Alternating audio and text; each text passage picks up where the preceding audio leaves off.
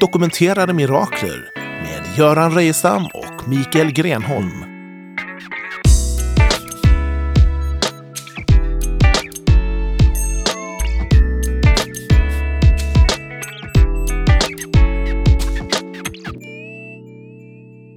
Hej kära lyssnare och välkommen till ännu ett avsnitt av Dokumenterade mirakler.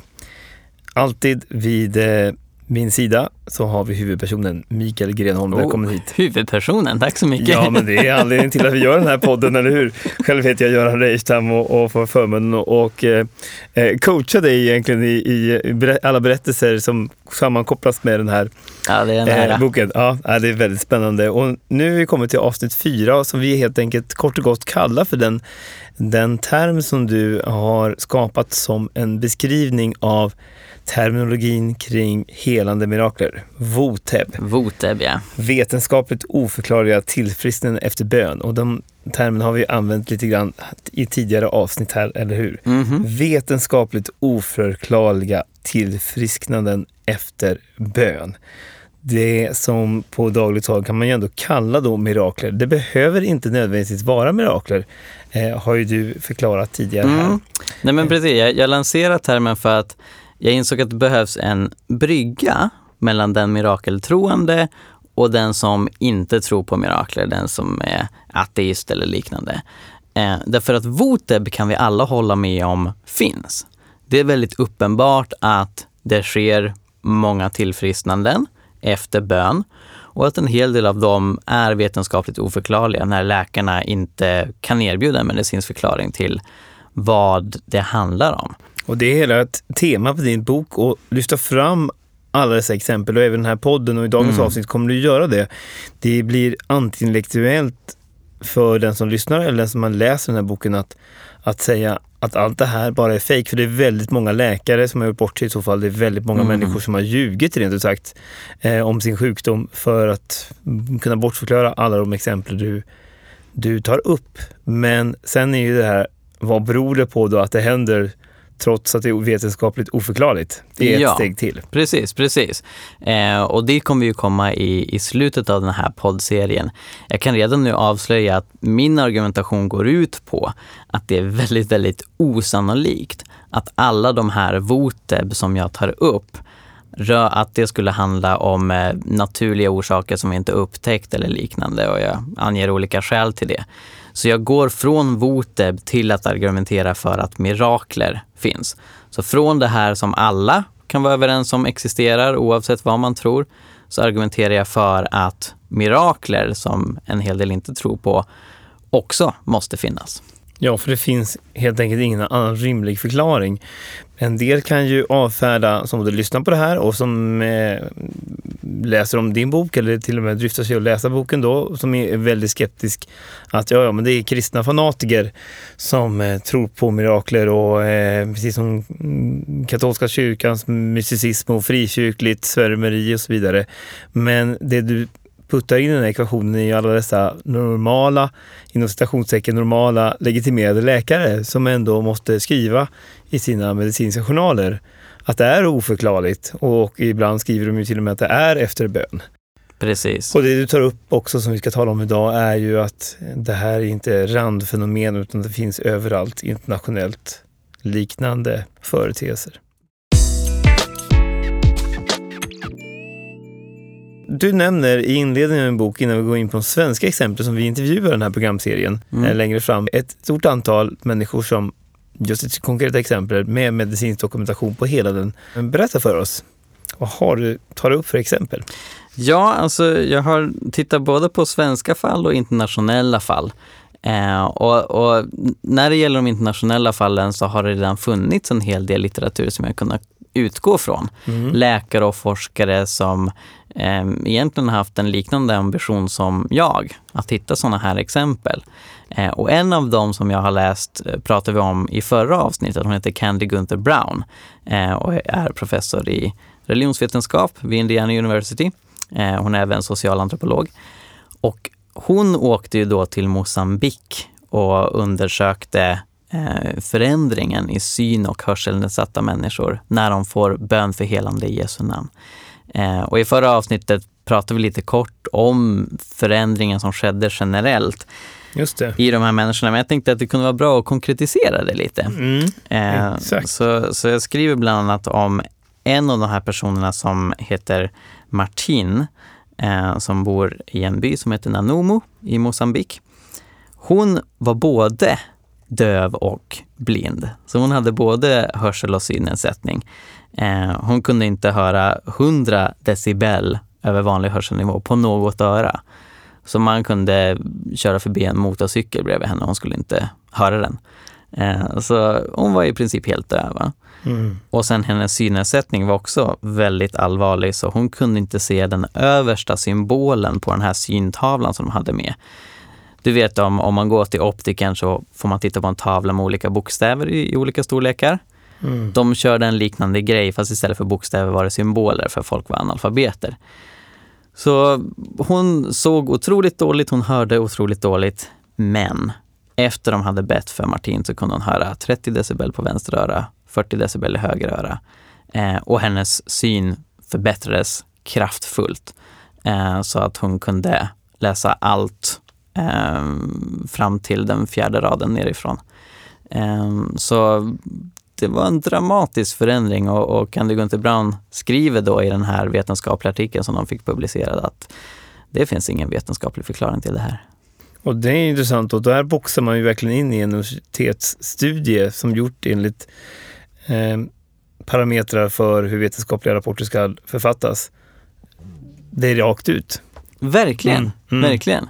Mm. Och sen kanske man tänker, ja men det sker i Afrika, det är långt borta, det går inte att verifiera och så vidare. Vilket är problematiskt. Jag menar, Afrika är också en del av världen. Mm. Men lite för att gå emot den inställningen så presenterar Brown också andra exempel från USA.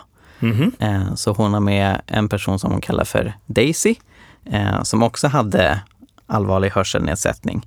Eh, Så som bäst så kunde hon höra 55 decibel, decibel över vanlig hörselnivå och sen gick det ner eh, i de högre diskanterna. Eh, Så hon hörde eh, rätt så dåligt. Hon hade en ärftlig sjukdom som hade gjort att hennes mamma till exempel hade blivit helt döv och den hade liksom ärvts i generation till generation. Mm. Men så besökte hon ett bönemöte i augusti 2008. Eh, Och under lovsången så kände hon som om hennes fingrar brann. Hon var alldeles varm inombords. Och, och samtidigt så sa talaren på det här mötet Gud vill hela eh, öron, Gud vill hela hörsel. Och ironiskt nog så hörde inte Daisy det, men hon hade en vän Mm. som sa vi, vi måste be för dig nu. Eh, så efter bönen så tog hon av sina hör, hörapparater. Hon kunde upprepa allt, hon kunde höra allt, hon hörde helt normalt. Eh, så hon skrev senare, det som hindrar mig under 30 år helade Gud på 30 sekunder. Hon har inte använt hörapparater sedan dess. Hon gick tillbaka till sin audionom. Och i boken Dokumenterade mirakler så har jag fått publicera audiogrammet från Daisy. Så jag har bett om tillåtelse från Candy Gunther Brown att återpublicera det här. Så det visar svart på vitt Mm. skillnaden Mm. eh, före och efter. Eh, och hennes läkare sa, jag kan inte tro detta, det här har aldrig hänt förut. Berätta för mig vad som hände, jag har gjort dessa undersökningar under lång tid, jag har aldrig sett detta ske. Det här är ju fascinerande också för att just tidsutsträckningen 30 år. Eh, det är ju så att många människor som kanske lyssnar på det här tänker, ja men det kan inte varit så. Det måste varit fel. Det måste varit feldiagnostiserat. Och det är en naturlig tanke eftersom de flesta sekulära människor av idag är ju till stor del, i alla fall i Sverige, eh, impregnerade med idén om att eh, mirakel idag åtminstone kan inte finnas. Eh, det fanns kanske föreställningar, eh, vidskepelser i mysticismen och i medeltiden och så vidare, men inte idag. Faktum är ju det som du talar upp det här med att Daisy hade varit då döv i 30 år som du säger. Mm. Eh, samma skepticism fanns ju faktiskt i Bibeln, på Bibelns tid. När Jesus gjorde motsvarande mirakler så blev människor extra fascinerade och förundrade eh, över miraklet utifrån att det stäm, nämns i flera fall i förbifarten att de hade varit döva eller lama eller blinda under väldigt lång tid. Ja. Det är svårt för någon att tänka att jag ska fejka en hörselnedsättning i 30 år för att en dag kunna gå ut med historien att jag blivit helad. Den är väldigt långsökt. Nej men Eh, verkligen. Men, men det är intressant att se att samma skepticism som fanns då finns ju nu. Det finns i alla generationer. Men, och det gör ju den faktumet, eller den informationen väldigt relevant. Ja, nej Mm. men verkligen, verkligen. Och det här är ju, alltså hennes läkare är en professionell läkare som u- uttrycker sin genuina förvåning. Ja, för hon Eh. har sett det så lång tid så det är uppenbart att det Ja. är inte bara någon inbildning. Man Nej, kan inte nej, men- inbilla sig dövhet. Verkligen, verkligen. Utan det är ett genuint voteb Ja. helt enkelt. Ja. Jag skriver även om Joy, Joy Vanefried eh, från North Carolina. Eh, hon eh, hade någonting som kallas för vertikal heterofori, vilket innebär dubbelseende. Ena ögat pekar uppåt, andra ögat pekar neråt. Och det här gav henne kraftfull migrän. För hjärnan försöker då hela tiden Korrigera. korrigera, korrigera de här Mm. bilderna. Eh, hon var tvungen att använda speciella prismatiska glasögon för att till exempel kunna få köra bil. Eh, men trots att hon fick den hjälpen så hade hon den här konstanta migränen. Eh, hon kunde inte heller eh, tåla skarpt ljus utan det, det gjorde liksom att hon var tvungen att ta sig därifrån. Så det var väldigt svårt för henne. Men hon gick på en gudstjänst och under lovsången så sjöng de en sång som heter Marvelous Light. Och så upplever Joy medan hon hör den här sången att Gud säger till henne att gå ut i ljuset. Eh, och det tolkar hon som ett tilltal att få förbön för eh, helande. Mm. Eh, så så hon, hon kände att halva huvudet drogs uppåt. Hon upplevde att Gud sa, varför har du de där glasögonen på dig? Du behöver dem inte längre, ta av dem. Eh, och så frågade hon då en kvinna, kan jag få en bibel av dig? och, och pröva att läsa. Och hon kunde läsa utan glasögon, inga problem. Wow. Eh, och den här kvinnan såg att hennes ögon eh, pekade åt samma riktning. Det är ju helt fascinerande. Man tänker att alla som hennes anhöriga har sett henne, för man, ärligt talat, man ser ju väldigt förvriden ut i ansiktet när ögonen är, när man är kraftigt skelögd. Ja, nej men Eh. verkligen. verkligen. Så det, det gick ingen förbi Nej, eh, att nej. det här hände. Eh, och jag har fått publicera två läkarutlåtanden. Dels som bekräftar då att hon hade det här problemet eh, och sen ett läkarutlåtande som bekräftar att hon har perfekt syn, behöver inga glasögon längre.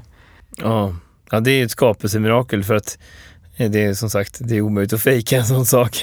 Verkligen. man skulle vilja. verkligen. Eh, du nämner också om Arthur som hade hudcancer. Ja, precis.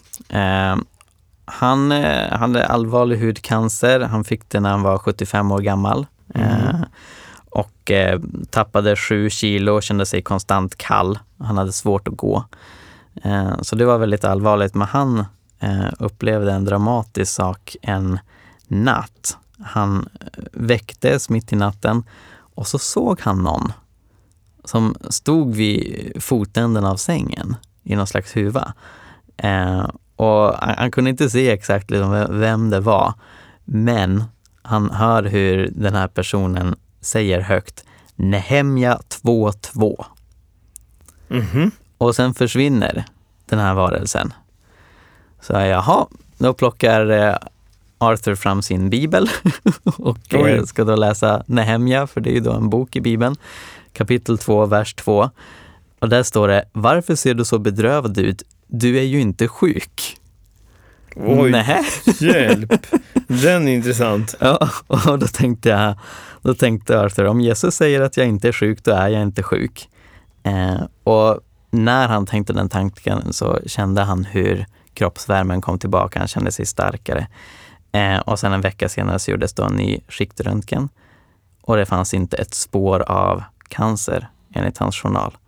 Eh, läkaren sa, det här är ett otroligt, jag är förbluffad, du har förgyllt min dag. Oj, Eh, och sen fortsatta undersökningar eh, visade att han, han var helt frisk från den här cancern. Den det är, det är ju fantastiskt. Alltså, hudcancer är också väldigt digitalt. Det är ju svårt att feldiagnostisera det. ja, För du, det syns ju på proverna väldigt uppenbart. Det här är fascinerande exempel. Hur har du hittat de här exemplen? Är det den här från de här vetenskapliga rapporterna som du har läst då? Precis, precis. Det är Candy Gunther Browns bok. Eh, Det finns en fantastisk bok som heter Miracles av en professor som heter Craig Keener. Mm. Eh, Den boken är på 1200 sidor och den Mm. har jag plöjt igenom. Eh, och han, han tar upp mängder med exempel. Och sen så finns det en del läkare som har skrivit om det här tidigare. En person som heter Rex Gardner eh, som skrev om det här på 80-talet och Richard Castorf innan honom. Mm. Eh, och, och de tar upp utifrån sin kompetens och expertis massa exempel på tillfrisknande efter bön som är vetenskapligt oförklarliga. Mm. Eh, Problemet är att de böckerna är ganska svårtillgängliga. Jag var tvungen att leta ganska länge för att få tag på dem från eh, eh, antikvariat och liknande. Mm. Mm. Eh, Så med min bok så vill jag tillgängliggöra det Mm. materialet plus då att det finns på svenska nu då. Eh, Och det har verkligen varit en guldgruva för mig. För den som eh, läser amerikansk eh, kristen litteratur så finns ju många böcker som beskriver livsberättelser och biografier som beskriver människor som blivit helande och upplever mirakler. Men du har ju verkligen vinlagt dig, om jag förstår saken rätt, att ta upp just detta exempel utifrån att det finns medicinsk dokumentation kring dem. Det är inte Ja. bara personliga berättelser utan det finns en vetenskaplig beskrivning av både sjukdom och tillfrisknande. Precis, det, det har varit kriteriet hela tiden. Ja. Eh, Du talar om, om också någon som fick eh, skelett som återmaterialiserades. Ja, Det här, nu är det ju liksom inte vardagsmirakler. Och det här är, jag har läst det här, det här är en väldigt fascinerande historia. Berätta. Ja men visst är det. Alltså, det roliga är ju då att det här handlar om en kille som heter Ben Mm. och benet i hans ben återmaterialiserades. Så vi ska prata om Bens benben helt enkelt. Mm. Eh, Men när han var bara sju år gammal, det här var eh, på 70-talet, 77, eh, så blev han påkörd av en bil. Eh, Och eh, den träffade honom rakt på benet han flög iväg i trottoaren och sju centimeter av hans skenben eh, krossades och får ut. Oh, det här är nästan jobbigt att höra på en sån här olycka. Ja, nej men det var, det var inte lindrigt. Så han tas till akuten och där så säger läkarna att förhoppningsvis får han behålla benet. Förhoppningsvis behöver vi inte amputera honom. Men även om så är fallet så kommer han vara halt för resten av livet.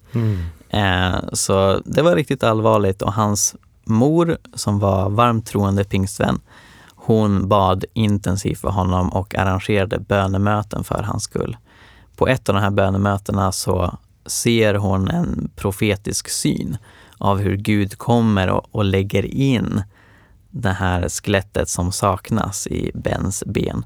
Eh, och på ett annat bönemöte hemma hos deras pastor så känner Ben medan de ber för honom att någonting varmt rör på sig Mm. inuti hans gipsade ben. Ehm, och efter allt det här, efter en tid, så kommer de tillbaka till eh, läkaren och jag har fått tillstånd av Ben att eh, publicera i boken röntgenbilderna Mm. före och efter de här bönemötena. Eh, och det, det är helt, helt dramatiskt. Ja. Eh, så man ser klart och tydligt på bilderna att eh, innan dess så saknades det då skelett i benet och bilden efter visar att eh, det är komplett. Ja. Så det är ett skelett där. Och jag har ju visat de här bilderna när jag är ute och, och föreläser Ja. och folk har ju anmärkt till mig, ja men jag, jag har varit med om benbrott och jag vet, jag vet hur ett skelett ser ut när man har brutit benet och sen så läks det, det självt för att det inte saknas 7 centimeter. Exakt. Då kan man ju fortfarande se spår av det på röntgenbilderna. Mm. Men det här är en bild av ett skelett som aldrig har blivit brutet. Nej. Så läkaren, läk, läkaren trodde ju först att de hade fotograferat fel ben. Ja, Men, men det hade de inte och eh, lä läkaren står fast vid att, att någonting oförklarligt har inträffat. Det, det finns ingen vetenskaplig förklaring till hur det här kunde ske. Det är ju väldigt svårt att ta in ens, men det visar ju på att Gud som verkar i då processen, man kan ju inte tänka tala om någonting annat i det här fallet än om en skapande Gud som faktiskt skapar någonting. Det är inte bara tala om återställande utan det är skapelse under. Exakt. Eh, ja. Eh, ja, den som läser boken kan ta del av de här bilderna och det som finns där. Ja, du berättar mer också om någon som heter Rex Gardner som Mm. hade bölder. Ja, det, det här var faktiskt inte han som hade, Nej, utan Rex är eh, en av läkarna som jag Okej. har läst. just det. Eh, han han eh, lämnar inte namn på folk, Nej, okej. eh, utan han, han uppger bara anonyma fall, men det är patienter och, och människor som han har träffat. Mm. Eh, och han skriver då bland annat om en ung kvinna eh, som hade en stor böld ovanför högra vristen. Eh, och hon var med i Rex församling. Eh, så de gick till samma kyrka. Eh, och det här var väldigt tufft. Alltså varje morgon eh, när den här kvinnan vaknade upp så var hennes täcke alldeles neddränkt av var. Eh, och hon tyckte inte det här var kul på något sätt. Eh, så hon fick förbön eh, en dag av några församlingsmedlemmar. Två av dem var läkare. Eh, Rex själv var inte med vid det tillfället, han kom in senare. Eh, men efter de hade bett så var nästan hela bölden borta och ersatt av helt frisk hud. Med undantag av en liten fläck eh, kring ena hörnet som fortfarande varade. Och det här är, är ganska spännande för en vecka senare så var det en annan kvinna i församlingen som sa till pastorn, hon var ganska skamsen, att hon hade upplevt att hon skulle vara med och be vid det här tillfället, men hon hade struntat i det. Och då sa pastorn, okej, nej, men då kan vi ordna att, att du också får vara med och, och be. Eh, så det gjorde hon och därefter var allt borta. Ah, wow. Eh, och då, då, det var här Garner kom in då och un, undersökte vristen eh, och ja, kunde dokumentera att, att eh, det inte fanns några tecken kvar på eksem. Det, ja, hud, huden var fullständigt frisk. Eh, så det verkar ju som att den här kvinnans böner, trots att hon kanske inte såg så högt på sig själv eller kände att hon behövdes, att de ändå behövdes Mm. på, på något mär- märkligt sätt. Mm. Ehm, för efter att hon hade bett så var problemet 100% borta. Och det här är ju någonting, väl den kristna bönen som är lite, ja det är svårt att förstå och svårt att ta in.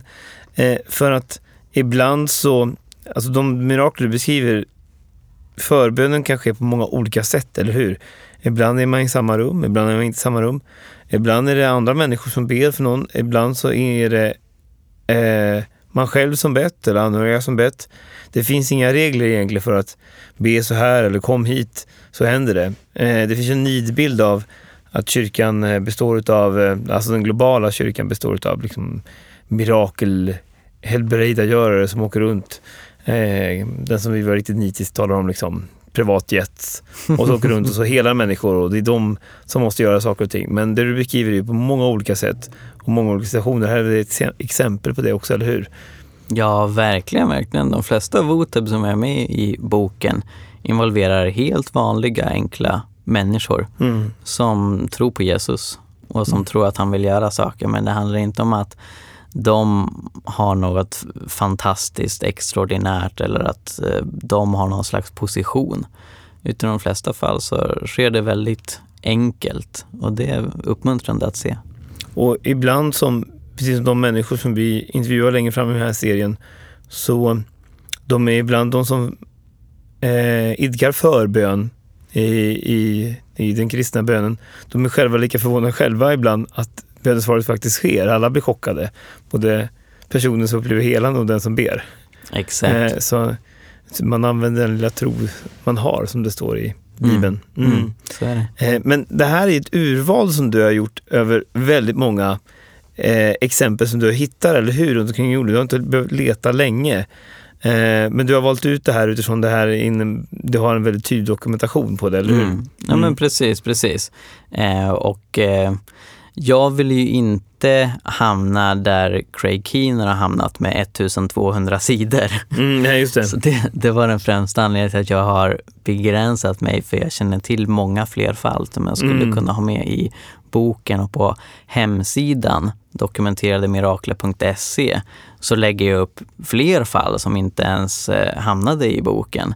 Eh, och där är ju tanken att vi ska bygga upp lite av en eh, databas när det gäller de här fallen för att kunna visa på hur, hur stort det är. Och bara för att man ska få en bild av hur vanligt det är med Voteb eh, så hänvisar jag till en studie som gjordes 2004 i USA. Mm. Eh, det var ett eh, institut som undersökte vad läkare tycker angående olika frågor om religion och bön och sådär. Mm. Så de tillfrågade 1087 läkare och en av frågorna var har du sett ett tillfrisknande som du skulle beskriva som mirakulöst, det vill säga vetenskapligt oförklarligt? Och 55 procent svarade ja. Mm, det, det, här, det här var ett eh, statistiskt signifikant, eh, helt korrekt utdrag eh, av den amerikanska läkarkåren. Och vet du hur många läkare det finns i USA, Göran? Oj, det var en intressant eh, siffra. Kan det röra sig om kanske, på 300 miljoner invånare, kanske 300 000?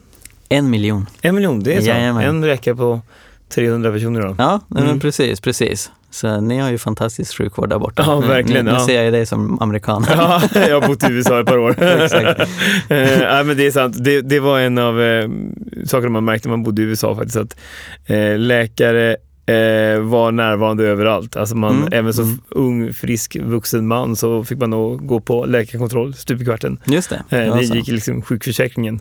Så ja, att, eh, förstås, ja, förstås. Ur det perspektivet så förvånar mig en miljon. Och mm. det är intressant. Och jag har ju också, eftersom jag bott i USA, varit inne i en kristen bokhandel. Och där ser man ju där att, att de kristna bokhandlarna, till skillnad från liksom någon new age-bokhandel och sånt där, alltså böckerna, hyllorna är ju fulla utav livsberättelser och personporträtt biografier där människor berättar om helanden, mirakler, människor med fantastiska saker. Så du, jag förstår ju utifrån det du beskriver att du har haft ett gigantiskt eh, urval att kunna tillämpa och där har du varit väldigt jag gissar väldigt eh, hård i den, i den gallringen för att få de bästa exemplen som är tydligast också och dokumenterade. Precis, precis. Nej, men så utifrån den här studien som jag nämnde eh, så kan man ju lätt se att ungefär 500 000 läkare i USA har sett vetenskapligt oförklarliga tillfrisknanden, i flera fall säkert flera. Eh, och i och med att USA är ett så pass religiöst land där Eh, de allra flesta säger sig vara kristna och även de patienter som kanske inte själva är troende har förmodligen en faster eller granne eller liknande som ber för dem. Eh, så kan man säga med väldigt högt eh, förtroende att det här rör sig om hundratusentals voteb. Mm. Så det är inget marginellt fenomen på något, något sätt. Eh, I min bok har jag med lite drygt 50 exempel på voteb och även det är bara ett litet, litet utdrag av alla de exempel som man skulle kunna ge. Ja, ja. Och det här är viktigt att, att förstå att, att ingen, ingen kan egentligen eh, skjuter det här ifrån sig, utan voteb är någonting som på riktigt finns. Ja, och det, det är det som är så fascinerande med din bok. Då, för du använder ju även de svenska exempel som också är ett, ett väldigt hårt urval av alla exempel som finns eh, för att just visa på eh, den tes du driver om, om mirakel som, som eh, enda förklaringen till, eh, till de här förbönerna och de, de vetenskapligt oförklarliga fenomen som inträffar dess, i dess följd. Eh, och vi kommer ju intervjua som sagt människor i kommande program här som är svenska exempel väldigt fascinerande exempel. Du är för mig lite grann som Eh, får gå tillbaka 2000 år i tiden när Jesus eh, gick på jorden. Eh, Johannes, som var en av eh, evangelisterna, Johannes evangelisten, Johannes evangeliet, han skriver ju på slutet i sin bok, sin berättelse om Jesus att Eh, Jesus gjorde också många andra mirakler under, men detta har upptäckts som ni ska tro.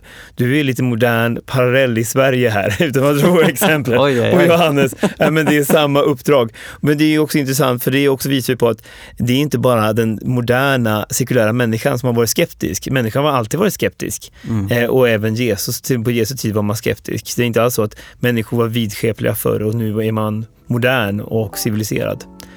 Eh, tack så hemskt mycket Mikael för eh, ännu ett fascinerande avsnitt. Ja, men tack själv. Jag ser ja. fram emot intervjuerna vi ska komma ja, till. Ja, verkligen. Verkligen. Jag också. Och eh, välkommen tillbaka kära lyssnare nästa gång.